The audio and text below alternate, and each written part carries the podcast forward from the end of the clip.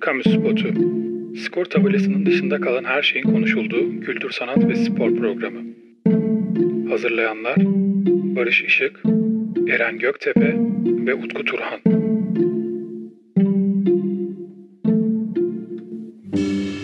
Kamu Spotu'ndan herkese selamlar. İyi hafta sonları efendim.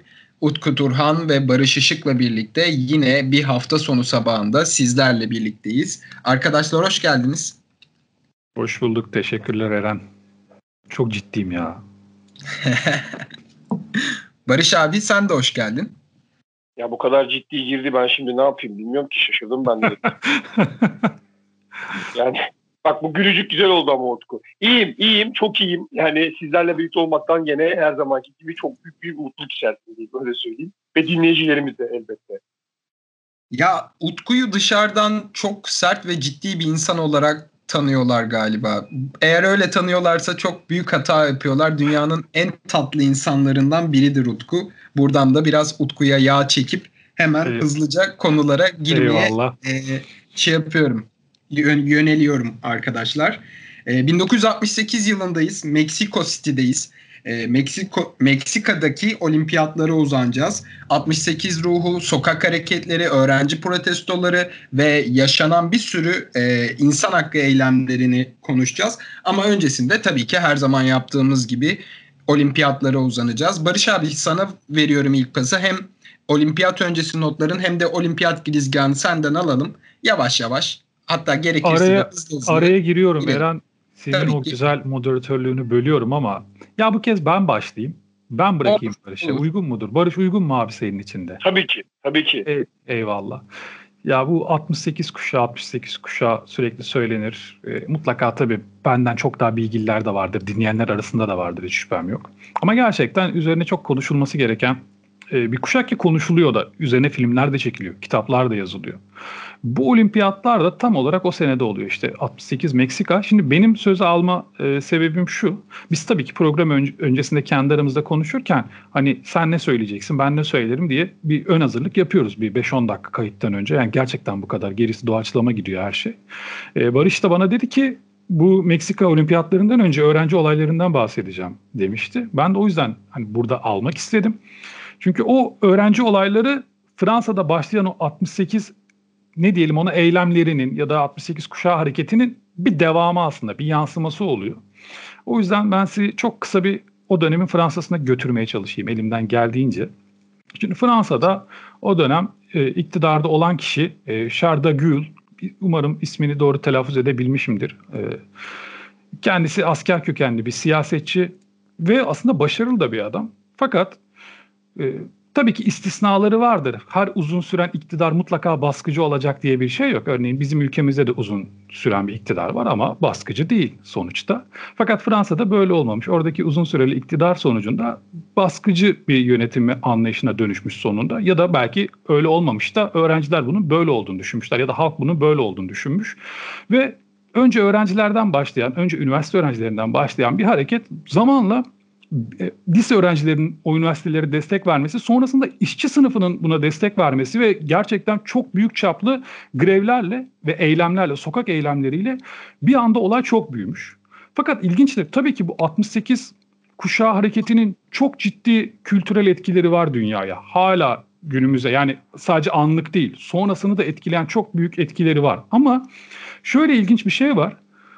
O dönem başta olan de Gaulle bu eylemlerin sonucunda iktidardan gitmiyor. Aksine iktidarını güçlendirerek çıkıyor buradan. Ya şaka gibi belki bu kısmı bilinmiyor olabilir işte ama böyle. Halk çok büyük isyanlar en büyük sebebi bunun işte üzerlerinde baskı hissetmesi öğrencilerin. Fakat bu sadece bunu baskı deyince hep ben daha önce de programda söylemiştim. Sanki böyle sürekli sağdan gelirmiş gibi düşünülüyor ama soldan da olabilir. Yani komünist rejimin de biz bu olimpiyat tarihini konuşurken özellikle Çekya'dan bahsederken, Çek lokomotifinden bahsederken lakabıyla söylüyorum kendisine o büyük sporcuyu. E, orada sol rejimin, Sovyet rejiminin de baskısını görmüştük halk üzerinde. E, ve bu baskının sonucunda işte isyanlar, eylemler başlıyor. Ve bu eylemler siyasi olarak aslında çok bir sonuç doğurmuyor. Çünkü de Gaulle meclisi feshedip seçim yapmaya karar veriyor. Seçime gideceğine karar veriyor ve aslında hareketler bu seçim vaadinden sonra duruluyor. Ama seçimlerin sonucunda Şardagül daha da güçlenerek çıkıyor seçimden. Oy oranını meclisteki temsilci sayısını arttırarak çıkıyor seçimden. Bu çok ilginç bir şey mesela. Bana çok ilginç gelmişti okuduğum zaman bunu. Şeye ee, benziyor aslında biraz. E, İtalya'daki Mussolini yönetimi ve Gezi Parkı olaylarını biraz andırıyor. Ya şimdi Mussolini olayıyla ilgili şöyle biraz eski tarihli olduğu için e, o dönemki seçimler. Hani bilmiyorum. Belki de onda müdahale edilmiş olabilir, manipüle edilmiş olabilir. Çünkü Hitler dönemi Almanya'sındaki seçimler çok ya bugün artık bu çok rahat söylenebiliyor. Çok ciddi şekilde manipüle ediliyordu Naziler tarafından. Fakat 68'de o kadar özgürlükçü hareketin ardından ben manipüle ol, manipülasyon olacağını da düşünmüyorum seçim sonuçlarında ama emin değilim. Çok bilgim olduğu bir konu değil. Sadece yorum olarak söylüyorum bunu.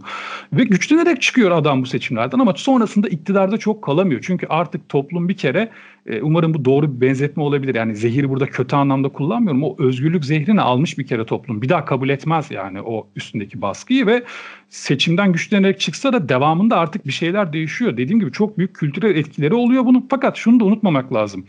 68 kuşağı dediğimiz kuşak İkinci Dünya Savaşı'nın çocukları ve on, onların artık yetişkin hale geldiği zamanlar. Ya işin bir de bu tarafı da var. Böyle tarih böyle tek bir noktadan ibaret değildir. Her zaman öncesi ve sonrası vardır.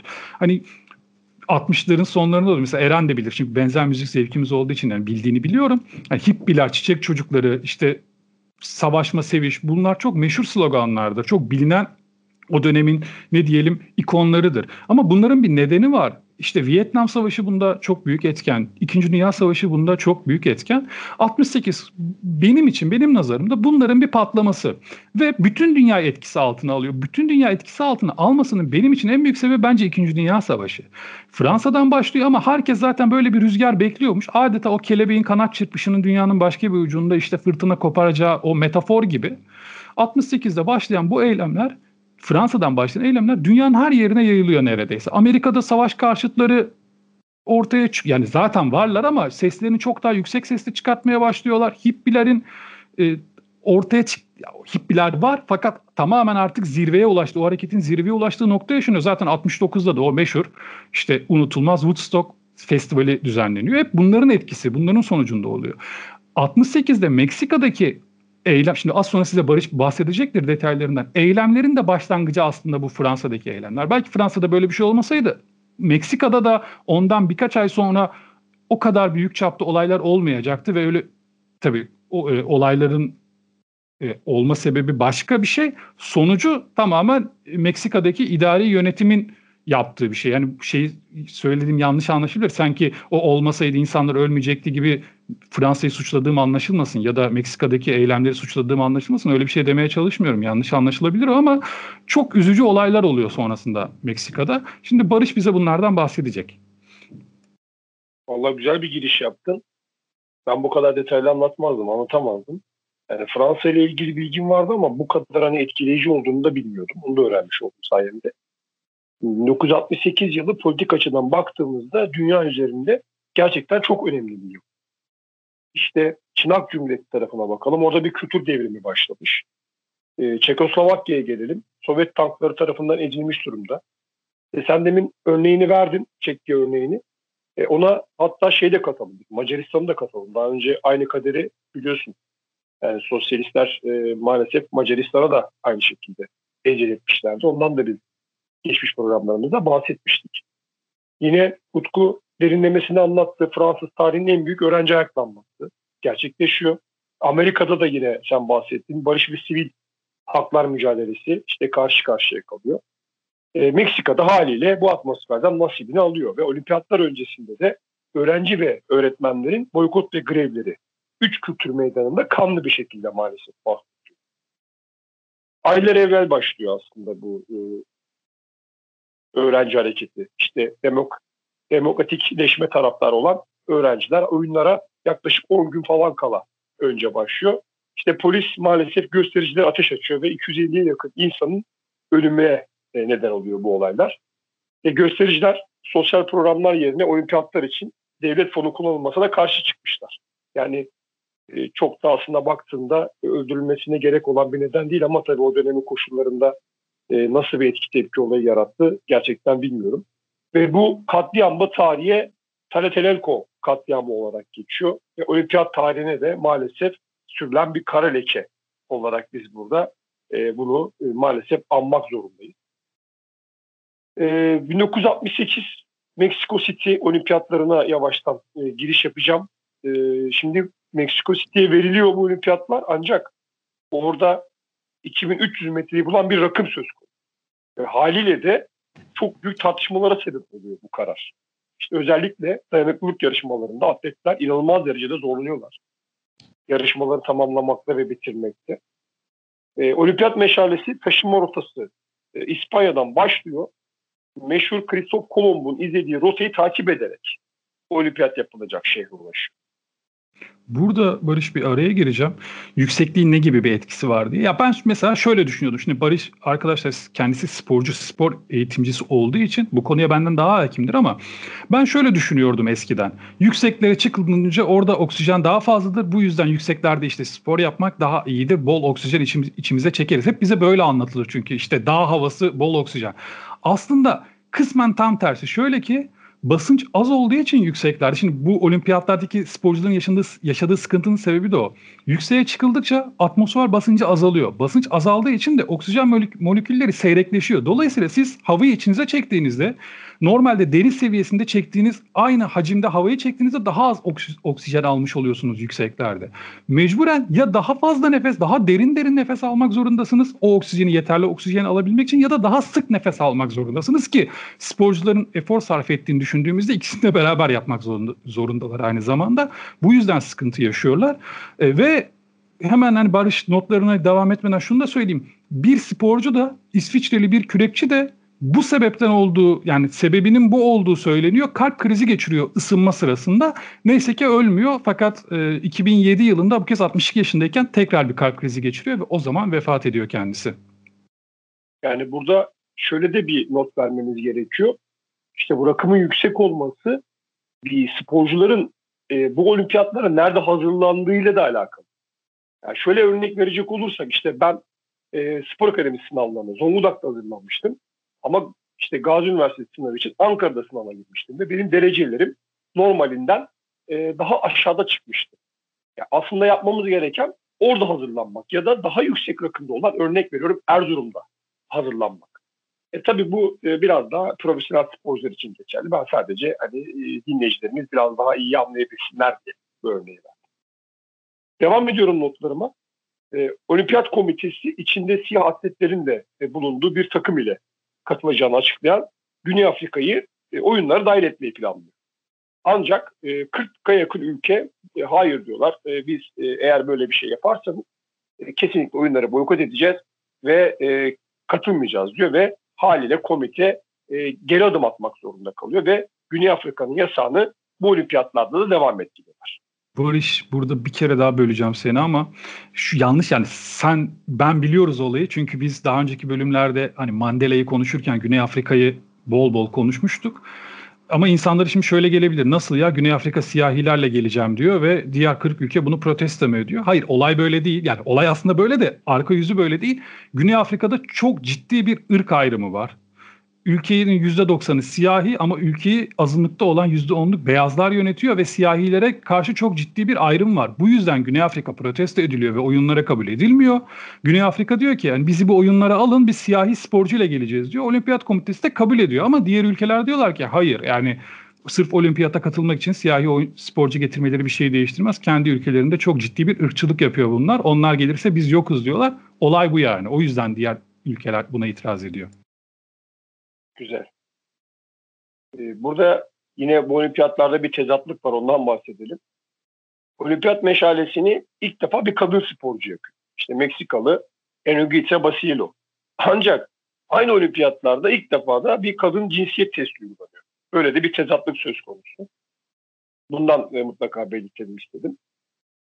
E, Latin Amerika'da düzenlenen ilk olimpiyat. 1964 ee, Tokyo'da biliyorsunuz Asya kıtasında düzenlenen ilk olimpiyat olma özelliğini taşıyordu. Ve e, bunun yanında birçok yeni ülke var. İşte Barbados, İngiliz Honduras, Orta Afrika Cumhuriyeti, Kongo Demokratik Cumhuriyeti, Gine, El Salvador, Honduras, Kuveyt, Nikaragua, Paraguay, Amerika, e, Virgin Adaları, Sierra Leone ilk defa bu olimpiyatlara katılıyorlar ve yine önemli bir konu Singapur bağımsız bir ülke olarak oyunlara tekrar geri dönüyor.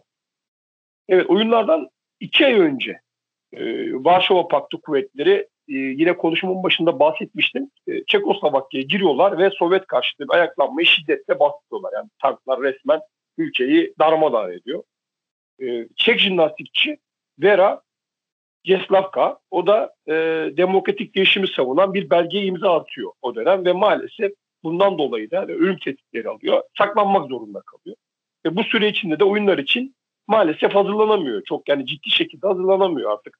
E, hangi koşullarda hazırlandı tam bilmiyoruz ama yani sonuçta e, saklanmak zorunda. Yani yoksa yakalanırsa ele geçirse öldürecekler. Buna rağmen oyunlara katılmasına izin veriliyor ve 4 altın ve 2 gümüş madalya kazanıyor. Gerçekten çok değerli ve çok kıymetli. Bunu da buradan belirtmeden geçmeyelim. Ee, Doğu ve Batı Almanya ilk defa ayrı ülkeler olarak burada yarışıyorlar. Daha önceki olimpiyatlarda e, bahsetmiştik. İki ülkenin bir arada e, olduğundan artık bu olimpiyatlardan sonra farklı farklı yarışacaklar. E, oyunlarda ilk kez doping testi uygulanıyor. Bundan bahsedelim. Ve olimpiyat tarihinde de e, ilk e, dopingli sporcu İsveçli modern pentatloncu e, Hans Gunvald Lindvall e, doping yaptığı gerekçesiyle diskalifiye ediliyor. Yani birine patlayacaktı herhalde bu. Bu İsveçli sporcuya patlamış. Ya Barış bana şöyle bir not denk geldi bunu okurken. Sen söylemeseydin bunu ben söyleyecektim ilk doping yapan sporcuyu. Ya e, müsabakadan önce bira içtiği tespit edilmiş. Yani bu doping testinde bu çıkmış. Ama acaba ya bilmiyorum bira mı doping sayıldı yoksa ayrıca bir doping ilacı mı kullandı? Yani özel bunun için direkt doping ol, olması için üretilen ilaçlardan mı kullanıldı bilmiyorum ama bu not denk geldi. Yani oraya onu da iliştirmişlerdi ben okurken. Bira içtiğini tespit etmişler. Ya olabilir. Yani belki onunla da alakalı olabilir. Yani şimdi biliyorsun bu o döneme ait çok farklı şeyler de olabiliyor. İşte farklı kaynaklarda farklı yazılar da bulabiliyoruz. Ya inanır mısın ben artık biraz da hani mantığımın e, beni yönelttiği yönüne göre artık yani bu şeyleri alıyorum, notlar alıyorum. E, yüksek atlamadan bahsedelim çünkü gerçekten çok önemli bir olay e, burada gerçekleşecek. E, şöyle ki aslında ben de bunu okuduğum zaman çok şaşırmıştım. E, yüksek atlama izleyenler bilirler. İşte genelde yüksek atlamacılar işte bakışları yani gözleri gökyüzüne dönük şekilde atlarlar. Hani tıkları yere gelecek şekilde düşerler. Ama normalde bu böyle değilmiş arkadaşlar. Yani daha doğrusu 1968 yılına dek bu bu şekilde değilmiş. Yüzüstü e, atlıyormuş insanlar. Yani bilmiyorum düşündüm bana tuhaf geliyor ama tabii o zamanki e, dönemin koşullarında e, herhalde binici tekniği olarak adlandırılıyor. İşte e, yerden sıçrıyorlar abi. Ondan sonra başları yere bakacak şekilde çubuğun üzerinden al. Önce bir bacaklarını sonra diğer bacaklarını o havada yaptıkları hareketle de çubuğun öte yanına atıyorlarmış. Yani bilmiyorum düşünürken bile tuhaf geliyor bana. E, sonra bu pozisyonu değiştirmeyi başaran bir sporcu var. Bu olimpiyatlarda yarışıyor. E, ismi Dick Forsprey. Kendisinden biraz bahsedelim. İşte o da e, o zamana dek de e, sıçradıktan sonra yere bakar konumda aşılan çubuğu. Sıçradıktan sonra e, göğe dönerek aşıyor kendisi. İşte koşuyor, sıçrıyor, sıçradıktan sonra da sırt dönüyor. Ve e, yüzünü de göğe çeviriyor. Yani bizim bildiğimiz şekilde yapıyor. O zaman e, ya bilinen tekniğin dışına çıktığı için antrenörler falan önceleri izin vermiyor. Hayır diyorlar yani bu şekilde atlayamazsın. Yani bu e, teknik işi falan diyorlar. Hatta bir yerel gazete bu Fosbray'ın tekniğini küçümsüyor. E, onun e, dünyanın en tembel yüksek atlamacısı ilan ediyorlar. Böyle bir lakap veriyorlar. Hatta e, Fosbray çırpınışı diye de tekniğine isim koyuyorlar. Yani e, o, o dönemin işte gazeteleri. E, ve tümüne karşı yani bu kadar e, olumsuz şeye rağmen e, bu adam yılmıyor abi. Yani e, tekniğin üzerine çalışmaya devam ediyor. Ama kısa süre sonra da bu tekniğine 2.08 metre yüksekliğine erişiyor ve üniversite rekoru. E, bu sefer tabii antrenörler şaşırıyorlar falan. Ya diyorlar herhalde bu adamın bir bildiği var. tamam diyorlar hani biz bu adamı e, serbest bırakalım. Bu adam bildiği gibi yaptı. Sonra 1968 yılına geliyoruz. E, kendisi elde etmiş olduğu dereceyle bir bakıyorsun kendi bir anda Amerikan olimpiyat takımında buluyor. buluyor. e, ve orada e, yarışma hakkını elde ediyor. E, şöyle enteresan da bir adam bu Fosbright. E, açılış törenine katılmıyor arkadaşlar. Bunun yerine gidiyor Meksika'da piramitlerde gün batımı falan izliyor. Hatta o gece kamyonette uyuduğu söyleniyor. Yani böyle de enteresan tuhaf bir arkadaş. Demek ki meditasyonunu bu şekilde. Yani kamyonda uyuması da çok ilginç. Neyse yarışma günü geliyor çatıyor. E, haliyle göğe bakarak sıçrayan tek sporcu First Prize. Onun dışındakilerin hepsi yüzüstü atlıyorlar. Ve 2.22 metrelik çubuğu aşan tek sporcu da kendisi oluyor. Altın madalya kazanıyor. Çubuğu devirmiyor. Ve e, tabiri caizse işte dünyanın en tembel yüksek atlamacısı altın madalya kazanıyor. Ve buna da kalmıyor. Amerika ve olimpiyat rekorları kıyıyor aynı zamanda. İşte bu başarısı yüksek atlamanın geleceğini de kökten değiştiriyor. Çünkü o tarihten sonra giderek teknik yaygınlaşıyor. Hatta daha da gelişiyor. İşte 1972 yılından 2000 yılına kadar da yüksek atlamada madalya kazanan 36 sporcunun 34'ü bu çırpınma tekniğini kullanıyor. Hatta bu çırpınma teknik olarak da e, isim olarak işte e, günümüze kadar kalıyor. E, yine son olarak kendisiyle ilgili şöyle bir not vereyim. Dick Fosbury olimpiyatlara bir daha katılmıyor arkadaşlar. Kendisi bir mühendis bu arada. E, ve 54 tane ileri gelen sporcu ile birlikte barışçıl şampiyonlar grubu oluşturuyor. Ve dünya barış adına çalışıyor.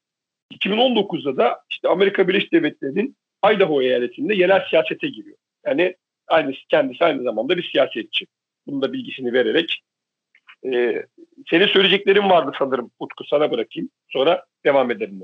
Ya bir kere şey çok hoşuma gidiyor benim. Ya olmayan bir şey ilk kez yapıyorsun ya. ya e, başarılı ol, olduğun zaman zaten o çığır açmış oluyorsun. Fakat şey ilginç. Ya adam yapmış işte abi gözünüzün önünde. Hala neyiyle dalga geçip neyini eleştiriyorsunuz? Yani yapmadan önce bunu fikir olarak söylese belki dalga geçilirdi. Ya gözünüzün önünde başarıyor zaten adam. Çok ilginç geldi bana onun da dalga geçilmesi. Ve yaptığı şey de çok mantıklı ayrıca düşündüğümüz, düşündüğünüzde. Tamam biz o tekniğe çok alışkın olduğumuz için şu an böyle diyormuşum gibi algılanabilir ama ya mantıken o çubuğun üstünden sırt üstü geçmek çok daha kolay diğerine kıyasla. Ee, neyse ben bu olimpiyatlarla ilgili müthiş bir rekordan bahsedeyim size kısaca. ABD'li Bob Beamon denen bir uzun atlamacı adam var. Bu adam ya öyle bir rekor kırıyor ki. Şimdi neden? Kendisinden önce uzun atlama rekoru 8.35'te yine Amerikalı Ralph Boston'a ait. Bu arkadaş o rekoru 8.90'a çıkartıyor. Ve zaten atletizm otoritelerince de 21. yüzyılın rekoru kabul ediliyor bu. O zaman daha 20. yüzyıldayız. 1968 yani bu ama diyorlar gelecek yüzyılın da rekoru diyorlar. Öyle bir atlayış gerçekleştiriyor ve bu rekor 23 yıl sonra 1991'de kırılıyor fakat olimpiyatta kırılmıyor. Mike Powell 91'de Tokyo'da dünya şampiyonasında 8.95 atlıyor. 5 santim daha geliştiriyor rekoru. Fakat olimpiyat rekoru hala bu. 68'deki o 8.90'lık uzun atlama hala olimpiyat rekoru. Bence müthiş bir şey. E zaten hakkı da o zaman da verilmiş. Yani bir sonraki yüzyılın rekoru kabul edilmiş bu. E, bir de e, bun, e, şöyle güzel bir not var. Yine tanıdık isimlerden bahsedeceğim burada. Şimdi 1960 olimpiyatları Boksta altın madalya Muhammed Ali sonra profesyonel kariyeri seçiyor. O yüzden bir daha olimpiyata katılmıyor. Bol bol konuştuk zaten Muhammed Ali'yi. Ki biz bu programa devam ettiğimiz sürece de ismini daha çok anarız Muhammed Ali'nin. Öyle büyük bir figürü çünkü kendisi. Ondan 4 yıl sonraki olimpiyatlarda bu kez Muhammed Ali'nin büyük rakibi Joe Fraser altın madalya alıyor. O da sonra profesyonelliği seçiyor. 68 yılında da bu kez yine başka büyük bir boksör yine hem Fraser'a hem Muhammed Ali'ye rakip olmuş bir adam. Hatta Fraser'ı yenmişliği de var. George Foreman o da 68'de bu olimpiyatlarda altın madalya kazanıyor. Gerçekten 70'li yıllara boksun altın çağı denir. Yani hakikaten de öyle. 60'lı yıllarda olimpiyat altını olan 3 boksör 70'li yıllarda birbirlerine ağır siklette rakip oluyorlar. Yani müthiş bir dönemmiş gerçekten. Türkiye'den bahsedelim biraz olimpiyatlarda. Ne yapmışız, ne yapmışız. E, atıcılıkta 3, atletizmde 4, boksta 6 ve güreşte 16 olmak üzere toplam 33 tane sporcuyla oradayız. E, ne kazandık? İki tane altın madalyamız var. Güreş. Onun dışında maalesef e, herhangi bir derecemiz yok. E, bayrağımızı da açılış törenindeki bayrağımızı da bu sefer milli güreşçimiz Gürbüz Lü taşıyor. E, hatta ben bu şöyle yani Gürbüzlü hani Gürbüzli gibi geldi bana. Ya dedim acaba bir yanlış falan mı var? Araştırdım falan gerçekten Lü soyadına e, ait. E, bu ilk başta bana tuhaf gelmişti ama değil. Yani bu Gürbüz Lü. bilginiz olsun. Tanzanyalı bir atlet var arkadaşlar. Bu olimpiyatlarda yarışan e, John Stephen Akvari. Bundan bahsedelim. Şimdi bütün atletler yarışı bitirdiği halde ısrarla yarışı bırakmayan bir sporcu. Ya bunun hikayeleri birçok yerde anlatılıyor. Hatta film oldu, kısa film oldu falan filan. Mutlaka görmüşsünüzdür bu tarz şey. E, sekerek ayağından kanlar akıyor, işte ayağını sarıyor falan bir şekilde maraton yarışını bitiriyor. Yarıştan e, sonradan hani yarışı niye bırakmadın? E, yani çekilseydin diye sorduklarında da diyor ki ülkem bana diyor 5000 kilometre öteden beni buraya yarışmam için gönderdi. Sadece ülkemi düşündüm. O insanlar bana güvenmişti. Madalya almam önemli değil. Önemli olan Tanzanyalı bir atletin sakat olmasına rağmen ya da sakatlanmasına rağmen işte ayağı kanamasına rağmen yarışı bitirebilmesiydi. Ben ülkem için yarışı bitirdim diyor. Gerçekten çok e, duygu verici bir olay. E, maraton yarışının adının verilmesine neden olan olay da biliyorsunuz. Biz daha önce bahsetmiştik. İşte Atinalı bir asker Maraton Vadisi'ndeki savaşın kazanıldığını haber vermek için işte o dönem yaklaşık 42 kilometre koşmak zorunda. Ve e, işte savaşın kazanıldığını söylüyor. Orada da can veriyor. E, yani sonuna kadar gidiyor bir şekilde. Maratonun ruhu da bu değil mi? Yani e, önemli olan o yarışı bitirmek. Yani onun ayrı bir karizması. Tabii ki ilk üçe girmek çok önemli ama hani o yarışı e, yani madalya kazanmanın dışında yani bir şekilde bitirmenin de çok büyük bir e, ağırlığı var. E, burada bu özellikle belirtmemin sebebi şu. Türk atlet İsmail Akçay aynı zamanda o maratonda olimpiyat dördüncüsü oldu. Yani e, üçüncü olsa bronz madalya kazanacak. Belki ondan daha farklı bahsedeceğiz burada ama yani hem bu yarışı bitiriyor hem de dördüncü oluyor. Bence bu da önemli. Hatta olimpiyatlarda beşincilik, altıncılık, yedincilik bence bu tip yani yarışlarda bu da önemli. Hatta az önce bahsettik yani rakımdan falan da bahsettik. Yani buna rağmen bence büyük bir başarı. Barış çok pardon burada bir araya gireyim yine. Kendisinin bir röportajını okudum ben bu maratonla ilgili. Ya şöyle güzel bir şey olmuş ama şeyi bulamadım. Koşu gerçekleşmiş mi onu bilmiyorum. Yani bu olimpiyatlardan 49 yıl sonra Türkiye'de olimpiyatta ilk dörde giren sporcuları buluşturmak istemişler bir koşu için. Maalesef e, kazanan kişi o sırada vefat ettiği için o ona davetiye gönderilememiş ama diğer ikinci ve üçüncü sporcuya davetiye gönderilmiş. Balıkesir'de gerçekleşecek İsmail Akçay yol koşusu için. İsmail Akçay'ın işte bu bunun haberini okurken röportajına denk geldim. Zaten hani hep konuşma boyunca bahsettik. En yüksek rakımdaki olimpiyatlar bunlar. Ya o kadar zorlandık ki diyor. Zaten diyor şimdiki gibi sürekli böyle atletlere bilgi veren yardımcı işte hem elektronik göstergeler olsun hem etraftaki yardımcılar pek yoktu. Dolayısıyla diyor bitiş çizgisini geçtiğimizde öğreniyorduk kaçıncı olduğumuzu ve o kadar yorulduk ki bitiş çizgisini geçen kendini yere bırakıyordu ve hemen doktorlar geliyordu başına ya da hastaneye götürülüyordu falan diyor. Ya o kadar zorlanmışlar bu koşuda ve senin o bahsettiğin o Tanzanyalı atlet böyle bir koşuyu, bu kadar zor bir koşuyu bitirmiş o haldeyken. Vallahi şimdi sen söyleyince daha çok ilgimi çekti. Ben bununla ilgili e, biraz daha derinlemesine araştırmayı düşünüyorum. Yani sonuçta gerçekten müthiş bir olay. E, benim son notum futbolla ilgili gene. Futbolla bitiriyorum biliyorsunuz. Alıştık. E, ne var bu sefer finalde? Macaristan var ve Bulgaristan var. E, Bulgaristan ilk defa ben e, karşılaştım. E, onun dışında Macaristan zaten genelde biliyorsun olimpiyatlarda hep karşımıza çıkıyor. 4-1 e, Macaristan kazanıyor ve 3. altın madalyası bu futboldaki. Diyerek bugünkü olimpiyat notlarımı tamamlayayım. Evet efendim bugün özellikle aslında e, ekstra bir konu almadık. Çünkü konuşacağımız belki de spor tarihinin en ikonik, en e, akılda kalıcı anlarından birini daha detaylıca konuşalım istedik. Neyden bahsediyoruz? Tommy Smith ve John Carlos'un e, 200 metre finalinden sonra podyumda yaptığı o e, müthiş protestodan bahsedeceğiz. Kendimizce onu değerlendireceğiz. E, bilmeyenler için söyleyelim. 200 metre yarışında Amerikalı siyahi atletler Tommy Smith ve John Carlos e, yarış sonunda podyumda hem artan ırkçılığa karşı hem oyunlardan önce yaşanan öğrenci katliamında karşı Barış abi ve Utku da bundan bahsetmişlerdi olaylardan. Hem de dünyada o günlerde çok revaçta olan e, hak arayışlarını temsilen bir protesto gerçekleştiriyorlar. O anlık bir protesto da değil bu aslında. Bunun süreci olan e, daha önce çok konuştukları ve ne yapalım diye düşündükleri bir protesto. Bu ikonik an e, yani insanlar belki bu atletlerin ismini ilk etapta hatırlayamayabilirler ama biz şimdi mesela tarif etsek fotoğrafı ya da fotoğrafı birine göstersek hemen o fotoğrafı gördüğünü hatırlayacaktır. Burada iki atletten bir tanesi e, sağ kolunu siyah eldiven giydiği sağ kolunu havaya kaldırıyor yumruk şeklinde. Diğeri ise sol kolunu yine aynı şekilde havaya kaldırıyor. Onun da elinde yine siyah eldiven var ama burada bir üçüncü isim daha var. Onu da mutlaka anmak gerekiyor. Ee, Avustralyalı atlet o da derece alıyor koşuda. Üçüncü müydü, ikinci miydi İkinci. onu hatırlamıyorum. İkinci miydi, ikinci değil mi? Peter ee, Norman. Peter Norman oldu. aynen. İkinci olan atlet o da bu e, protestoya katılıyor, destek veriyor. Fakat ben hatta bunu Eren'den duymuştum. Şimdi söyleyeceğim şey Eren size belki daha detaylı anlatır benden sonra. O da destek tamamen veriyor fakat sizin protestonuzun önüne geçmek istemiyorum dediği için o herhangi bir elini kaldırmıyor. Sadece başını öne eğip duruyor ve onların protestosuna saygı gösteriyor.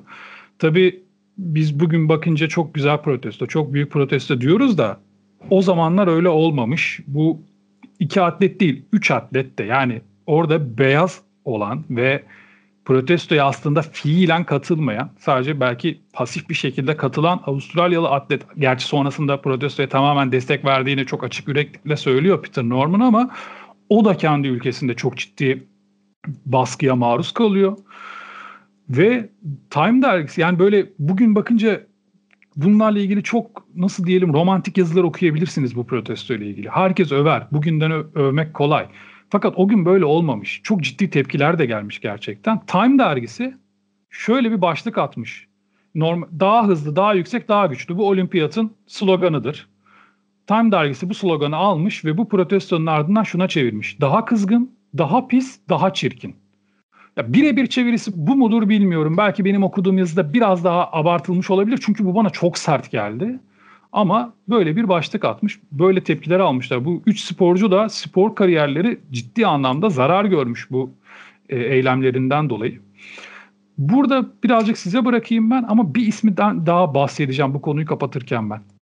Ben Tommy Smith'ten istiyorsanız biraz gireyim. Sonra e, olaya doğru yani olayın gerçekleştiği ana doğru gidelim. Arada girmek isteyen olursa e, hay hay tabii ki giriş yapabilir. Yani Tommy Smith 1944'te Texas eyaletinde, Amerika'nın Texas eyaletinde dünyaya geliyor ve siyahilere yönelik ayrımcılık ve toplumsal baskının yoğun olduğu bir dönem. Yani çocukluğunun geçtiği, yani gençliğinin geçtiği dönemden bahsediyor. Bunca olumsuzluklara karşı kendisi gerçekten başarılı bir öğrenci ve sporla da çok ilgili. E, liseye Kaliforniya'da gidiyor. İşte e, elde ettiği en iyi koşu sonuçları da ona ait. O döneme ait. O dönemde o ona ait çok değerli bir sporcu gerçekten. E, ve sadece atletizmde değil arkadaşlar. Basketbol ve Amerikan futbolunda da çok e, ciddi anlamda başarıları var. Ama uzmanlaştı. Ama atletiği iyi bir koşucu. Özellikle de 200 metrede çok çok iddialı bir sporcu. İşte 66'da 200 metreyi 19.5 saniyede koşuyor. Bunun şöyle bir özelliği var. Yani dünya rekoru olmasının dışında 200 metreyi 20 saniyenin altında koşan ilk sporcu. Böyle de bir özelliği. İlk uluslararası başarısı da yine 1967 yılında Tokyo'da düzenlenen bu üniversiteye de kazanıyor. Altın madalya alıyor. 100 e, metrede de gümüş madalya kazanıyor. Sonra işte sıradaki spor olayımız 1968 Meksiko City. Ve e, burada e, olimpiyatlarda da tabii ki rekor kırabileceğine inanıyor kendisi. Yani hazırlıklarını da ona göre yapıyor. E, ancak işte Amerika içinde hem de uluslararası düzlemde yaşanan pek çok olaya da tepki göstermesi gerektiğini düşünüyor kendisi. Ve aynı zamanda da siyahilerin seslerini duyarabilmeyi, işte gördüğü baskıya karşı da mücadele edebilmeyi, yurttaşlık haklarında bir şekilde yani o mücadelenin içerisinde aktarabilmeyi umuyor. 1967'de de bu tepkinin örgütlü olarak dinlendirilebilmesi için insan hakları için olimpiyat projesi adında bir hareket var. Bu harekete dahil oluyor kendisi ve e, takım arkadaşı John Carlos. O da aynı zamanda bu hareketin üyesi. Ve bunlar e, kafalarında planlıyorlar. Yani bir şeyler yapmaları gerektiğini düşünüyor. Yani, yani yarışma e, esnasında e, mı yaparız, yarışmadan sonra mı yaparız? Yani gerçekten bununla ilgili bayağı bir kafa yoruyorlar, kafa patlatıyorlar. Ya aslında başta şöyle bir protesto planlıyorlar. Ee, adı skandallarla anılan ve Nazi sempatizanı olan IOC Başkanı Ever Brandich doğru mu okudum emin değilim. E, onu elini sıkmama gibi bir protesto planlıyorlar. Fakat e, Meksika'da oyunlar başlamadan 10 gün önce yaşananlar hem de e, beyaz atlet Peter Norman'ın onlara çok içtenlikle destek vermesi ve o da podyumdayken göğsüne insan hakları rozeti atıyor. Bu arada şunu da hatırlatalım. Peter Norman Avustralyalı ve kendi ülkesinde de Güney Afrika'ya benzer apartheid bir yönetim söz konusu. Bildiğiniz üzere orada da aborjinlere karşı bir ayrımcılık söz konusu bildiğiniz üzere. Ve bu protesto gerçekleşirken Peter Norman'ın şöyle de bir katkısı bulunuyor. Siyahi atletlerden birisi eldivenini unuttuğu için onlara eldivenleri paylaşmasını söylüyor. Hatta ikonik olan o sahnede biri bir atletin sağ yumruğu havada, diğerinin sol yumruğu havada dinleyicilerimiz de hatırlayacaktır büyük ihtimalle. Şimdi yarışın içine girelim biraz. Yarıştan biraz söz edelim. Ya bu tabii ki e, Tommy'nin en önemli yarışı. Yani 200 metre en e, başarılı olduğu yarış. İşte yarış başlıyor. John Carlos hızlı bir çıkış yapıyor. E, Tommy ilk atak karşısında biraz geride kalıyor. Sonra e, işte birkaç saniye geçtikten sonra da tabii yani 200 metre yarışı da böyle e, yani malum zaten çok kısa sürüyor. John Carlos atağını sürdüremiyor ve Tommy onun önüne geçiyor. E, 19.83 saniyede birincilikle tamamlıyor. E, John Carlos'un e, araya da Tommy Smith'in ikisinin arasına da dediğiniz gibi Avustralyalı Peter Norman e, araya giriyor ve e, üçü şey kürsü ya kürsüye çıkmayı e, hak kazanıyorlar. E, aslında e, Tommy Smith de bir aktivist. Sıkı bir aktivist hem de.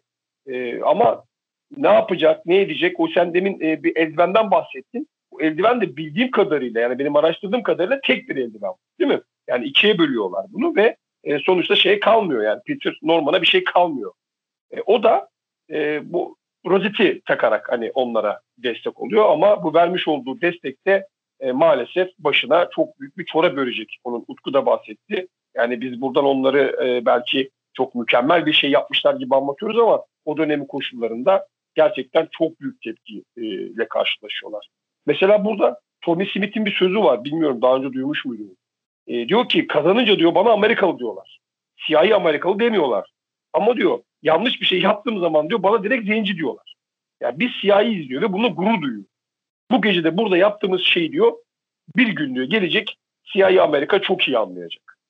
Gerçekten de e, yani o gün bence geliyor yani çok da e, ötelemeden. Barış senin söylediğine şöyle bir ekleme yapayım. Yakın zaman önce Lukaku'nun bir röportajına denk geldim bu Inter'in Belçikalı forveti, siyahi forveti Hı. Lukaku. O da şöyle diyor. Şimdi tabii şu an değil. Şu an Lukaku çok önemli bir figür ama gençlik yıllarında Belçika'da top oynarken bir şey iyi olduğunda, iyi yaptığımda ben Belçikalı forvettim. Ama kötü oynadığımda işte Mali asıllıydı sanırım. Mali asıllı forvet diyorlardı Hı. bana diyor. Ya ne kadar enteresan. Yani şimdi bu atletlerin orada yapmış olduğu aslında e, yerleşik düzeyde değil mi? Olimpiyat madalya kürsüsünden bir baş kalmış. Ama o kadar enteresan ki bunlar kürsüden inerken o dönemin tüm tribünleri bunları yuhluyor arkadaşlar. Yani yapmış oldukları yadırganıyor. Yani aslında çok yürekli bir hareket yaptı ama e, maalesef işte etkisi tepkisi biraz daha e, kötü oluyor. Ve hatta e, öyle bir şey ki e, bir daha işte bu Avustralya atlet bir daha olimpiyatlara katılamıyor. Hatta ülkesinde kendisine şey diyorlar yani özür dilemesi gerektiğini söylüyorlar. Yani o da e, özür dilemiyor yani reddediyor bunu. Ondan dolayı da e, kendisi atılıyor yani takımdan. Hatta bu şey e, diğer iki sporcu da Amerika milli takımından uzaklaştırılıyor. Olimpiyat köyünden atılıyorlar. Yani sonları çok iyi maalesef olmuyor yani. E şeyi e, Eren sen anlatırsın cenazesini. Sen daha iyi orada şeysin, yaklaşsın o iş ama. Ya şöyle e, protestodan sonra senin de dediğin gibi abi 3 atlet de olimpiyat köyüne alınmıyor. Direkt apar topar ülkelerine yollanıyorlar. Hatta bugün birçoklarımız için belki otorite kabul edilen BBC e, olimpiyat şey yarışın hemen ardından e, John Carlos'a inatla her şeyiniz var, madalyanız var, işte başarınız var, neden bunu yapıyorsunuz gibi bir e, aşağılayıcı bir soru soruyor ve şöyle bir yanıt veriyor. Ya ben bu madalyayı yiyemeyeceğim. Biz siyahlar bu madalyayı yiyemeyiz. Biz açız ve iş istiyoruz, eşitlik istiyoruz gibi bir çıkış yapıyor. E, ardından kariyerleri senin de belirttiğin gibi düşüşe geçiyor. Dışlanıyorlar kendi ülkelerinde ve evlilikleri bile bitiyor. Yani çok e, zorlu bir hayat süreci onları bekliyor aslında. Bu bir belgesel var bilmiyorum biliyor musun? Salut isimli bir belgesel var. Yeğeni çekiyor bunu. Met isminde bir e, yani yönetmen herhalde kendisi. E, burada anlatılıyor bu yaşananlar. Hani eğer ilgisi meraklısı olursa oradan da takip edebilirler.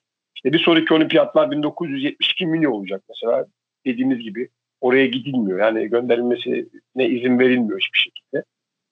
Yani bu e, hatta e, iki siyah atlet şöyle bir yorum yapıyorlar. Diyorlar ki hani biz yıplıyor yani yıprandık. Bize diyor baskı yapıldı falan ama diyor Peter diyor tüm ülkeye karşı diyor e, direndi ve tek başına acı çekti. E, hatta e, şeyden de bahsedelim. Bunların e, temsili yani bu kürsüde yaktıkları ateşi temsil eden bir heykel var. Meşhur heykel. Burada 2004'ten beri e, Son Jay State Üniversitesi'nde bulunuyor bu heykel. E, bu ikincilik kürsüsü boş arkadaşlar. Yani bunun sebebi de şu. İşte Norman aslında hani böyle istiyor. Diyor ki bu şekilde olsun. Yani çünkü neden? Hani heykeli ziyaret eden herkes o ikinci kürsüsüne çıkıyor. Ve Carlos ve Smith ile dayanışmasını sanki hani kendisi oradaymış gibi e, gösteriyorlar. Bu da gerçekten bugünün koşullarından bakıldığında çok muhteşem bir olay. Ve e, kendisi öldüğünde de e, tabutunu en önde taşıyanlar yine Smith ve Carlos. Bu da gerçekten e, yani trajik bir olay. Ya bu arada trajik bir olay ama müthiş bir fotoğraf. John Carlos ve Smith'in tabutu en önde sırtlamaları. Mutlaka kamu spotu sayfasında da paylaşırız efendim. Onu da söylemiş olayım. Tam aynısını söyleyecektim ben de Eren. Gerçekten o an da çok ikonik bir an. Yani protesto anının kendisi kadar ikonik bir an bence o tabutun taşınma sahnesi. Şimdi ben e, birazcık başka bir şeyden bahsetmek istiyorum izninizle. E, önce şu az önceki yanlışımı düzelteyim. Lukaku için hani emin değildim zaten emin olmadığımı söylemiştim. Kongo Kongoluymuş Lukaku. Kongo asıllıymış. İşte öyle diyor. Yani başarılı olduğumda Belçikalı forvet diyorlar bana. Başarısız olduğumda ise Belçika'da bana Kongo asıllı forvet diyorlar demişti röportajında. Ee, biz şimdi bugünden konuşuyoruz. Bu fotoğrafta eminim ben işte umarım bir daha öyle bir haberle karşılaşmayız ama haksızlığa uğrayan ya da öldürülen bir siyahinin haberi düştüğünde sosyal medyaya bütün herkes bu fotoğrafı alır. Bu iki atletin protestosunu paylaşır. Fakat son zamanlarda özellikle Amerika'da George Floyd'un öldürülmesinden sonra sporcular diz çökerek bir ellerini yumruk yapıp havaya kaldırarak bir protestoda bulundular. Pek çok sporcu bunu yaptı. Şimdi bu hareketin evet çıkış noktası yumruğun havaya kalkması bu iki önemli sporcuyla alakalı ama diz çökmelerinde başka bir ismin imzası var. Colin Kaepernick. Şimdi bu o kadar eski bir hikaye de değil. 2016 yılında Kaepernick yine Amerika'da siyahilere yönelik polis şiddetinin ardından bir protesto kendi bireysel olarak bir protestoda bulunuyor ve ne yapıyor? Kendisi bir NFL oyuncusu yani Amerikan futbolcusu. Amerikan futbolu oynuyor. Maçtan önce milli maç sırasında ayağa kalkmıyor ve diz çöküyor. Şimdi eskideki o olayı herkes romantize ediyor. Güzel. Peki Kopernik ne oluyor? Alkış mı alıyor? Evet. Yani bir kısım insan Kopernik'in bu tepkisine hak veriyor. Tamam. Sorun yok. Ama bir kısımdan da çok ciddi tepkiler geliyor. Kendisinin formaları yakılıyor. Kendisi o sezonun sonunda kendisi henüz 33 yaşında gayet aktif olarak spor hayatına devam edebilir. Profesyonel kariyerine devam edebilir. Fakat takım bulamıyor kendisi. 2016'dan beri boşta. Ve onu bazı siteler emekli gösteriyorlar. Oysa ki adam emekli değil. Sadece takım bulamıyor kendisine. Hiçbir takım onu istemiyor takımında. Yeni olay. Günümüzde yani. Ama burada derdim Kopernik'i savunmak da değil. Benim burada gerçekten hem haddim değil hem de net bir fikrim yok şu haklı bu haksız diye. Ama bir yen için buradan oraya bakıp da işte bir siyahiye ayrımcılık yapıldığında ki tabii ki yapılmasın. Savunmuyorum yapılmasın ama yapıldığında ya da işte bizim bir takımımızın sporcusuna bir hakemin negro dediği iddia edildiğinde ki ne dediğini bilmiyoruz ama de, dediğini kabul edelim öyle yorumlayalım. Dediğinde Twitter'da ırkçılık karşıtı olmak kolay. Bir yan için Türkiye'de herhangi etnik gruba mensup birisinin İstiklal Marşı'nda ayağa kalkmayıp diz çöktüğünü düşünün. kaç kişi samimi olsun kendisine ben buna saygı duyarım adamın protestosuna diyebilir. E Kopernik aynısını yaptı. Sonrasında siyahilere yönelik ırkçılığı protesto eden o sporcuların, o sizin alkışladığınız, bakın tekrar söylüyorum, alkışlamanız yanlış demiyorum. Sadece düşünün diye bunları anlatıyorum ben. Alkışladığınız, işte çok güzel yaptı, ırkçılığa karşı duydu dediğiniz sporcuların hepsi milli maç sırasında ayağa kalkmayı reddedip diz çöken bir adamın yaptığını taklit ediliyorlar. O hareketi sürdürüyorlar. Burada o haklı bu haksız meselesi değil. Benim tek istediğim şey bunları düşünmeniz, sorgulamanız. Bir an için Türkiye'de düşünün. Türkiye'de yaptığını düşünün Kopernik'in bu hareketi mesela. Örnek veriyorum. Şimdi diyebilirsiniz ki bizde siyahilere ırkçılık yok ki. Biz siyahilere ayrım yapmıyoruz ki diyebilirsiniz. Doğru. Ama bunun bir sebebi bizde hiç siyahi olmaması olabilir mi mesela? Yani hiç bir zaman onlarla yaşamadık. Onlar ben daha önce bu programın eski bölümlerinde anlatmıştım. Kölelik ortadan kalkıyor. Tamam siyahiler özgür. Özgür de hepsi aç ve işsiz. E, karınların doyurması lazım. İçlerinde tabii ki suça karışanların sayısı bir hayli fazla oluyor böyle bir durumda. Ve dahası mesela atıyorum daha önce bedavaya yaptırdığın bir işi şimdi o adama yaptırabilmek için para vermek zorunda kalıyorsun. E, Birçok insanın işine gelmiyor bu. Onlar köleyken daha kolaydı her şey çünkü. Ve beyazlarla rekabete de giriyorlar artık iş konusunda. E daha zaten iş bulamıyorlar. Daha ucuz maaşlara çalışıyorlar. E beyaz işsiz kalıyor bunun sonucunda. Yani bu ırkçılık meselesi bu kadar böyle basit bir şey değil. Savunulacak bir şey. Tabii ki değil ama anlamak lazım ki yapmayalım biz de istemeden başkalarına. Çünkü ben başkalarını istemeden yaptığımızı düşünüyorum. Çünkü bizde siyahilere bir ayrım yapmıyorsa tırnak içinde söylüyorum onları ikinci sınıf insan ya da maymunsu olarak görmüyorsan ırkçı değilsin. Sen eşitliğe inanan bir vatandaşsın. Kendini öyle zannediyorsun yani. Ya şey söylediğin zaman ırkçı sayılmıyorsun. Çok doğru Utku. Bir siyahiye gidip e, saat var mı dediğinde ırkçı sayılmıyorsun. Halbuki ırkçılığın daniskasını yapmış oluyorsun. Ya şöyle yani, söyleyeyim. Çok net bir örnek vereyim. Çingenelik yapma diye bir deyim var bizde. Gibi. Çingenelik yapma ne demek? Yani ne demek istiyoruz burada? Çingenelik ya da çingene ne yapar ki? Çingenlik. Yani bir direkt bir grubu kodlamışız bir şeyle. Kimseyi suçlamıyorum. Ben de kullanmışımdır hayatım boyunca. Kendimi de sorguluyorum. Kendimi de söylüyorum ben bu olayları. O yüzden e, böyle olaylar karşısında biraz daha iki tarafı da anlamak, anlamaya çalışmak, iki tarafın da hassasiyetlerine özen göstermek lazım bence. Örneğin bu Kopernik'in olayında da şu da var. Bunları da söyleyeyim ben. Hani siyahilere yönelik polis şiddeti var iki sanırım iki ya da üç siyahi insan öldürülüyor belli aralıklarla polisler polis şiddetiyle. Fakat sonrasında siyahi bir eski asker de gidip polislere saldırıp birkaç tane polisi öldürüyor ve sonra öldürülerek ele geçiriliyor mesela. Böyle bir dönemde Kopernik bu hareketi yapıyor. Bir an için bunu Türkiye'de tahil edin. Yani ya olamaz da böyle bir şey. Hani bir an için olduğunu düşünün. Çok sağduyuyla kaç kişi karşılayabilir? Bu ülkede kaç kişi ona sağduyu gösterebilir? Bu demek değil ki Amerika'dakiler de sağduyu göstermesin, adamı linç etsinler. Hayır ama anlamak lazım. İki taraflı bir şey. Hiçbir şey tek taraflı değil. İki taraflı bakmak lazım olaylara. Siz iki taraflı bakın. İlla bir taraf haklı bir taraf haksız konusuna varmak zorunda değilsiniz sonunda. Ama şunu unutmayın. Protesto dediğiniz şey böyle yapılmalı. Böyle yani o iki sporcu eğer e, olimpiyat kürsüsünde yapmasalardı o hareketi, olimpiyat köyünde yapsalardı bu kadar konuşulmazdı. Biz bugün bu programda bunu uzun uzun konuşmazdık. Kopernik milli maç okunurken değil de maç sonunda kendi kendine gidip orta sahada bunu yapsaydı bugün burada ismi anılmayacaktı, konuşulmayacaktı. Diğer sporcular onun yaptığının aynısını yapmayacaklardı belki. O yüzden böyle de bakmak lazım. Ben sadece daha önce de bir programda söyledim bunu. Biz sadece burada kapıları açmaya çalışıyoruz. Kapılardan gördüğünüz şey ilginizi çekiyorsa içeri gidip odayı dolaşmak sizin sorumluluğunuz. Biz hani o haklı, bu haksız benim görüşüm bu, bu yanlış yaptı. Böyle bir şey demiyorum. Ben sadece naçizane elimden geldiği kadar size bazı kapılar açmak için bunları anlatıyorum. Ee, böyle bitireyim ben sözlerimi.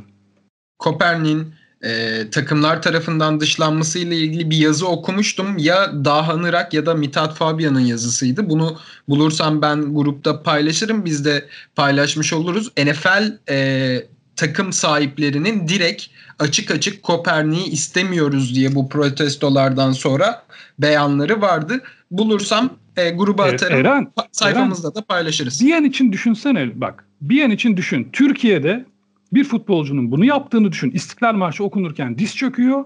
Ha, hangi Türk takımı onu transfer edebilir? Ya şey örneği var düşünmeye gerek yok direkt yaşanmışı var. Deniz Naki kolunda Kürtçe bir dövmesi vardı diye dışlandı Şimdi, futbol kariyeri boyunca. Ya bunu dediğin anda mesela ben bilerek anmadım o ismi. Hı hı. Yani bilerek çünkü şu, şu sebepten anmadım. Türkiye'de Kürtlerle ilgili bir şey söylediğin anda sen PKK'yı savunuyor oluyorsun.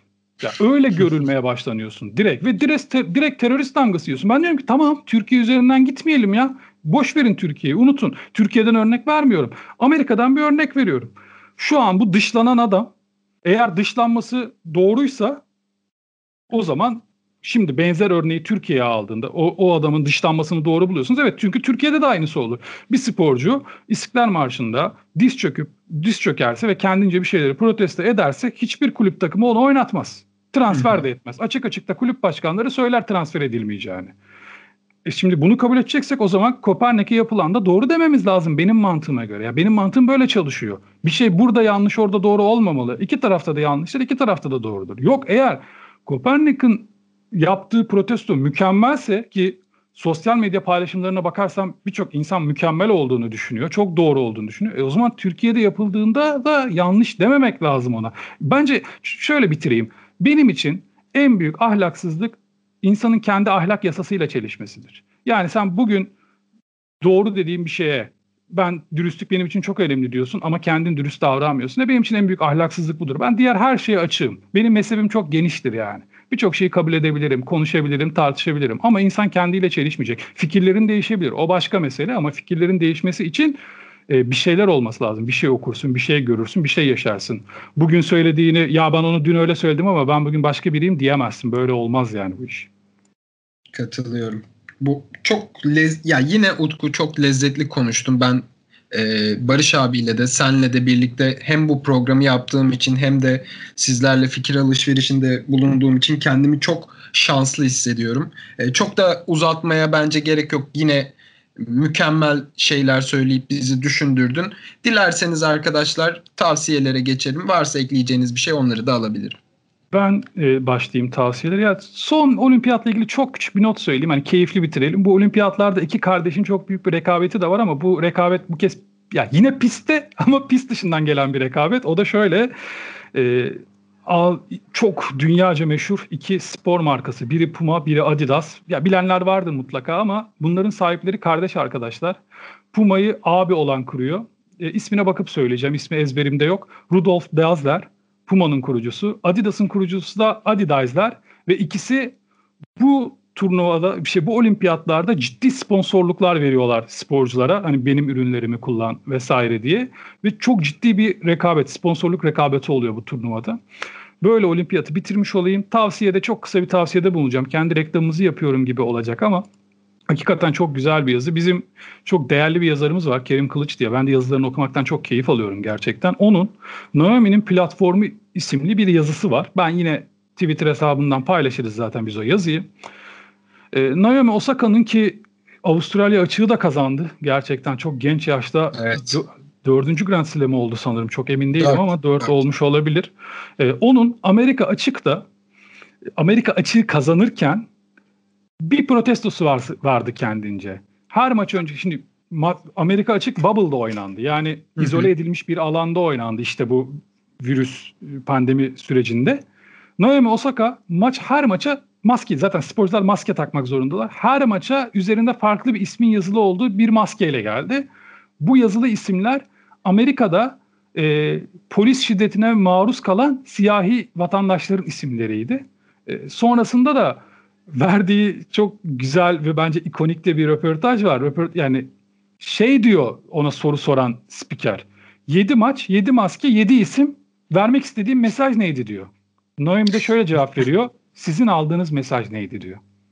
Ya müthiş bir kariyer bu arada izliyoruz. Naomi'yi izlerken heyecanlanmamak elde değil. Ben bu arada kendisini çok da beğeniyorum ee, bir insan olarak. Bunu da dile getirmiş olayım. Hani biraz e, durumu cıvıtmış olayım. Barış abi senin tavsiyelerini alayım. Ee, öncelikle Utku'nun bahsettiği hikayenin bir filmi de var. Onu da ben dinleyicilerimize söyleyeyim. Yani belki derinlemesine merak ederler. Biyografik bir film kendisi. İşte Adidas Puma'ya karşı ya da Adidas ve Puma'nın hikayesi diye çevrilmiş. Ya filmi ben izledim. Yani öyle muhteşem bir film olduğunu söyleyemeyeceğim ama hikayeyi öğrenmek isteyenler için ya da hikayenin içerisindeki işte o geçen kişileri işte o iki tane küskün kardeşin hikayesini e, öğrenmek isteyenler için bence e, iyi bir film. Onu da söyleyerek tavsiyelerime başlayayım ben. E, geçen hafta e, söylemiştim Doktor Sokrates'in kitabından bahsetmiştim. E, ben okumaya başladım kitabı. Şöyle bir anekdot var. E, ilginizi çekeceğini düşündüğüm için e, biraz gireceğim burada. E, Beatles ve Rolling Stones meraklısı kendisi. Ve çocukluğundan günümüze elde ettiği harçlıklarla plak topluyor arkadaşlar Sokrates. Bilmiyorum biliyor muydunuz bunu? Çok ciddi de bir plak koleksiyonuna sahip oluyor tabii ki aradan yıllar geçince. Yani müzik onun hayatının hep bir parçası. E, ve 1980 yılının başında da işte o dönem e, bir tane ünlü bir plak şirketinin sanat direktörü hatta ismi de e, kitapta alınıyor Osman Zan. E, kendisi Sokrates'e geliyor ve diyor ki e, seninle bir albüm yapmak istiyorum. Bilmiyorum biliyor muydunuz bunu? Ve e, Brezilya halk müziği şarkılarına oluşan bir albüm yapıyorlar bunlar. Albümün adı da Casa de Cabulco. Yani içinde çocukluğundan bildiği işte klasikler, işte geleneksel halk türkülerinin olduğu 12 tane parça. İşte bu Kabalko yöresel e, dilde kızı deldi e, ya da işte beyaz anne babadan doğan melezlere e, verilen isim anlamına geliyormuş. İşte basit bir köylü hayatı süren mütevazi, işte koyu renk kendi kişi anlamına da geliyor aynı zamanda. Hatta bu albümün adını veren şarkı 1928 yılında bestelenmiş. Çok çok da eski. E, Brezilya'nın da yoksul köylerini anlatıyormuş bu şarkı. E, klasikleşmiş bir şarkıymış ve günümüzde de birçok albümde yer almış aynı zamanda. Plak şirketi e, onu hazırlamak için bir ses eğitimi e, vermiş. Bir eğitmen ayarlamış. E, Sokrates çok zorlanmış. İlk başlarda falan e, mikrofonu gördüğünde titremeye falan başlamış. Sesi falan çok titriyormuş. E, bu arada albüm yaklaşık 50 bin tane basılmış ama maalesef satmamış. E, Sokrates'in sesinin de çok iyi olmadığını söylüyorlar bu arada. Ama şu Evet, an evet. e, şu an koleksiyonluk bile olabilir o albüm eğer hala bulunabiliyorsa. Şöyle bir enteresan bilgi vereyim. Bak çok güzel yerde girdin. Ya çünkü şu, tam Sokrates'ten beklenecek bir hareket. Bu albümden kendisine bir tane bile almamış bu adam biliyor musun? Yani albümü tanıtmamış bile. Yani gerek bile duymamış. Yani hiç istekli falan değilmiş. Yani böyle bir teklif gelmiş, değerlendirmiş, geçmiş. Yani ben şaşırdım. Kitaptan aldım, aldım bu notu. Sizlerle paylaşmak istedim. Yani ilginç geldi. İyi de yaptım. Ben de hiç bilmiyordum. Çok ilginç gerçekten. Ya albümü de merak ettim. Bakalım bir bakarız Bir programdan araştırın sonra. bakalım. Eğer şarkı falan bulursanız yine e, Twitter hesabımızdan paylaşırsanız ben de mutlulukla e, dinlerim onu. E, bu hafta önereceğim kitap Sevda Korkmaz'a ait Spor Müzeleri kitabımızın ismi. Şimdi benim bildiğim kadarıyla bu spor müzeleriyle ilgili yapılmış ilk ve tek eser bu. Nereden çıkmış? Spor Yayın Evi ve Kitap Evi'nden neşredilmiş bu kitap.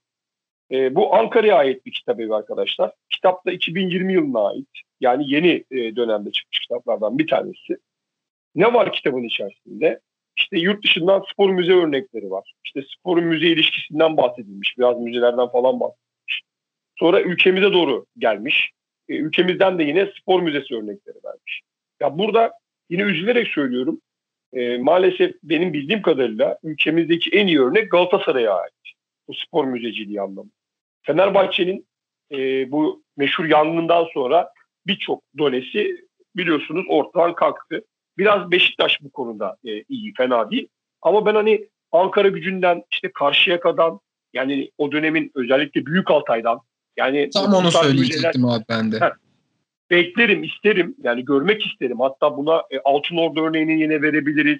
E, yani tamam belki yine günümüzün büyük kulüpleri işte Bursa Spor, işte e, Eskişehir Spor bu tip takımlar 1960'lı yıllardan sonra kurulduğu için yani bunları belki çok fazla hani müzecilik anlamında e, onlardan bir beklentim olmayabilir. Ama mesela bir gençler birliği adam Cumhuriyet'le eşit. E, mutlaka ben beklerim, isterim yani. E, umarım olur, umarım artar. Yani yurt dışında çok harika örnekler olduğu söyleniyor. Ben e, gidip göremedim ama gerçekten var kafamda var. Ay, ömür verirse inşallah e, yaradan mutlaka gidip bu müzeleri ölmeden ziyaret etmek istiyorum arkadaşlar. Ben şöyle bir fotoğraf geldi aklıma onu görmüştüm. Sanırım Rangers'ındı. Gerrard ya Gerrard'ın bir fotoğrafı. Rangers'ın artık kulüp binası mı, müzesinden bir bölümü bilmiyorum. Tavanda hani bu maçlardan önce iki tarafın kaptanı birbirlerine kulübün flamalarını veriyorlar ya. Rangers Avrupa kupalarında bu zamana kadar hangi rakiplerle karşılaşmışsa hepsinin flamasını o binanın yani o Red Gerard'ın fotoğraf çektirdiği mekanın tavanına asmış. Şimdi zaten benim kendi adıma o Irish pub'lara çok büyük bir merakım vardır. Çok severim o pub'ları. Yani ne kadar Türkiye'dekiler orijinallerini yansıtıyor bilmiyorum ama genel olarak Türkiye'deki Irish pub'ları da severim ben dizaynlarını, dekorlarını. Öyle bir yer, öyle bir mekan ahşap ağırlıklı ve tavanda da full flamalar. O kadar güzel duruyordu ki ve ben sonrasında çok merak ettim. Acaba dedim Türkiye'de bir takımda bu var mı dedim. Biraz aradım internetten yani internetin imkanlarıyla. Böyle bir fotoğrafı hiç denk gelmedi. Belki vardır internette düşmemiştir fotoğraf ama öyle bir yer olsa fotoğrafı internete düşer. Çünkü o kadar güzel gözüküyor ki fotoğraf karesi. Hayran kaldım fotoğrafa. Ben şeyi gördüm. Ee, bir forma podcast'i serisi yapacağız bu arada Plese dergi için efendim. Onun da müjdesini vermiş olalım. Ee, orada Fenerbahçe formalarına bakarken Feneryum ortaklığıyla nefis bir internet sitesi hazırlanmış Fenerbahçe için. Ta 1907'lerden formaları yıl yıl açıklamalarıyla, efsaneleriyle e, dijital bir dizi, site haline dönüştürmüşler. Galiba stadın altında da bu müze var. Fenerbahçe'nin o çalışmasından bahsedebilirim bunu örnek olarak. E, ama dediğin Flama'ya benzer bir e, örneği görmedim ne yalan söyleyeyim. Film öneriminden de bahsederek bitireyim ben bu haftayı. Netflix yapımı olan Pele belgeselinden bahsedeceğim. Şimdi öncelikle şunu söyleyeyim. Daha önce hiç görmediğim harika görüntüler söz konusu belgeselin içerisinde. Ne var? 1958 Dünya Kupası var. İşte Santos yılları var Pele'nin. 62 gene Dünya Kupası var. 64 ihtilali ve e, Brezilya'daki dikta yılları. 66 Dünya Kupası. E, Pele'nin bininci golünün hikayesi. Ülke siyasetiyle ilişkisi. 1970 Dünya Kupası. Yani baktığınız zaman içerik gerçekten çok doyurucu. E, o döneme ait işte fotoğraflar ve e, görüntülerle de destekleniyor. Yani buraya kadar bir problem yok. Her şey mükemmel. Ama şöyle bir şey Pele gerçekten hani sahanın içerisinde çok önemli bir figür. Ee, ya bunu belki tartışamayız tabii bunun futbolculuğunu ama e, kendisi maalesef o dönemki faşist diktanın futbol sahasındaki temsilcisi ve bunu da e, kendi arkadaşları dahi söylemekten çekinmemişler. Belgeselin içerisinde de bunlarla alakalı notlarla karşılaşıyoruz. Hatta günümüzde de e, FIFA'ya yapmış olduğu işte e, kimilerine göre yardakçılık e, da çok büyük tepkiler çekiyor biliyorsunuz. Yani bununla ilgili de çok ciddi tepkiler alıyor Pele. Yani bu yüzden o sahada yapmış oldukları maalesef e, benim çok fazla gözüme gelmiyor. Ama ben bu belgeseli o zaman diyeceksin ki niye öneriyorsun hani belgeseli şu anda programda? İşte oradaki şeyi alın istiyorum. İzleyin ve o kadar büyük bir sporcusun ama gene de işte o diktanın esirisin. Yani onu oradan alın, çekin istiyorum. Evet, ülkemizden de e, böyle örnekler var ama ben isimlerini zikretmek istemiyorum. Siz kimler olduğunu büyük bir ihtimalle anladınız. Abi çok büyük bir sporcusunuz. Gerek yok. Yani A rejimine, B rejimine e, kendini işte nasıl anlatayım yani kendini kaptırmanın, kendini bırakmanın bir anlamı yok. Diyerek bu haftayı sonlandırıyorum. İşte bu yüzden Maradona, işte bu yüzden Ronaldo Nazario diyoruz efendim. Ee, ben kendi tavsiyelerime geçeyim. Bir tane tavsiyede bulunacağım zaten. O da e, bir seri tavsiye edeceğim. Sokrates YouTube kanalının hazırladığı nefis bir seri. Çizgilerin Ötesinde adlı bir seri. İnan Özdemir'in sunumuyla. E, bugün de konuştuğumuz Tommy Smith, John Carlos, bir bölümünde Katrin Schwitzer, bir bölümünde Mandela ve bir bölümünde de Billie Jean King'in yer aldığı harika bir seri yapmışlar. Buradan tavsiye etmiş olalım. Zaten Sokrates'i ve İnan Özdemir'i bazı isimleri sık sık anıyoruz programımızda. Onlardan yararlanıyoruz, besleniyoruz. Bunu da tavsiye etmiş olayım. Efendim bu haftalık bölümümüzün de yine sonuna geldik. Kendi kamu spotlarımızı sizlerle paylaştık.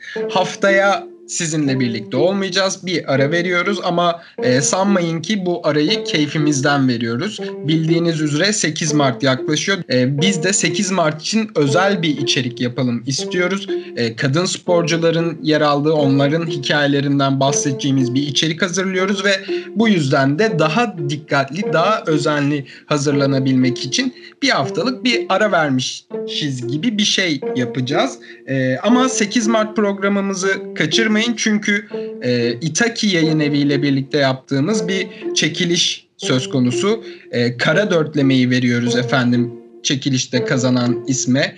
E, Cesur Yeni Dünya 1984, Fahrenheit 451 ve Biz'in yer aldığı 4 kitaplık nefis bir seriyi çekilişle kazananı da 8 Mart programımızda söyleyeceğiz.